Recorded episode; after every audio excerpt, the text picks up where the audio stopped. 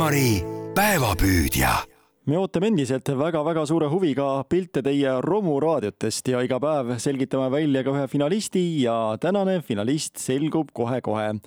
helistame ja saame temaga tuttavaks ja räägime sellest põnevast raadiost ja seejärel näete meie Facebooki lehel ka pilti sellest raadioaparaadist, mis tõepoolest enam väga isegi raadiot ei meenuta.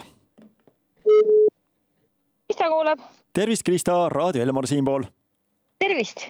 Krista, olete saatnud meile ühe ilusa pildi ühest toredast raadiost. ja, ja täpselt nii.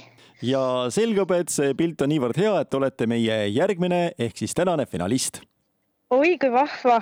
Teil on väga suur võimalus võita endale uhi uus raadio ja see võib juhtuda juba esmaspäeval oo oh,, issand, kui äge aga räägime natukene sellest pildist ka lähemalt, kui päris aus olla, kui ma ei teaks, et siin pildil on raadio, ma isegi ei usuks seda, mis selle raadioga juhtus et see raadio on olnud ehitusprojektidel siis äh, mängimas ja hästi palju siis on seda tolmu ja kohvi ja pahtlid ja värvi siis selle raadio peale läinud, et, et kuna ta kirbukast on ostetud, et siis ta oligi selline tööraadio.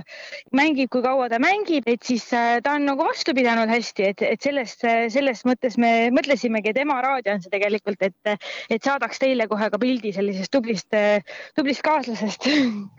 tõepoolest tublid on ja siin on kirjas juures ka, et see vist on isegi tuumajaamas ära käinud, see raadio või? ja täpselt nii, täpselt nii, et ema oli tööline, siis äh, oli maaler seal tuumajaamas ja, ja siis raadio mängis ka seal milline, Krista, teie enda kõige esimene raadio oli, kas tal on olnud sellist päris isiklikku esimest raadioaparaati? päris esimene, ma arvan, oli see, äkki oli see Vesna, see selline, millega sai ikkagi nagu lindistada, selline selle nagu, mis need olid, need kassetid.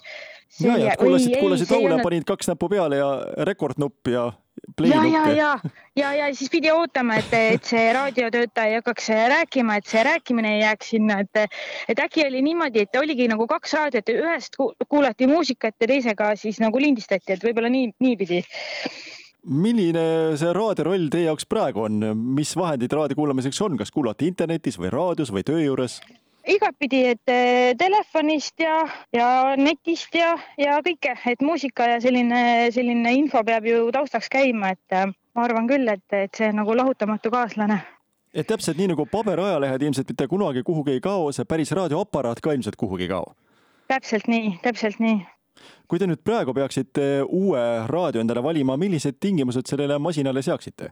ma arvan, et ikkagi üks eh, kindel omadus peaks olema see, et seda peaks saama nagu kuulata ka metsas, keset metsa, et, et see levi peaks olema selline, et või see vastuvõtt, et, et saaks ikkagi kõiki jaamu kuulata, ma arvan no ma usun, et see uus raadioaparaat, mille keegi finalistidest endale saab, on ka päris uhke ja väärikas, sellega saab tõesti Spotify'd võite sellega ühendada. see mängib ka klassikalist FM-jaama, on piisavalt selline kompaktne, et kaasa võtta, ometi hea heliga, nii et mine tea, võib-olla olete teie selle võitja. oo, väga vahva, väga põnev aitäh teile, Krista, ägedast pildi eest ja soovime siit ilusat päeva jätku. Teile ka, aitäh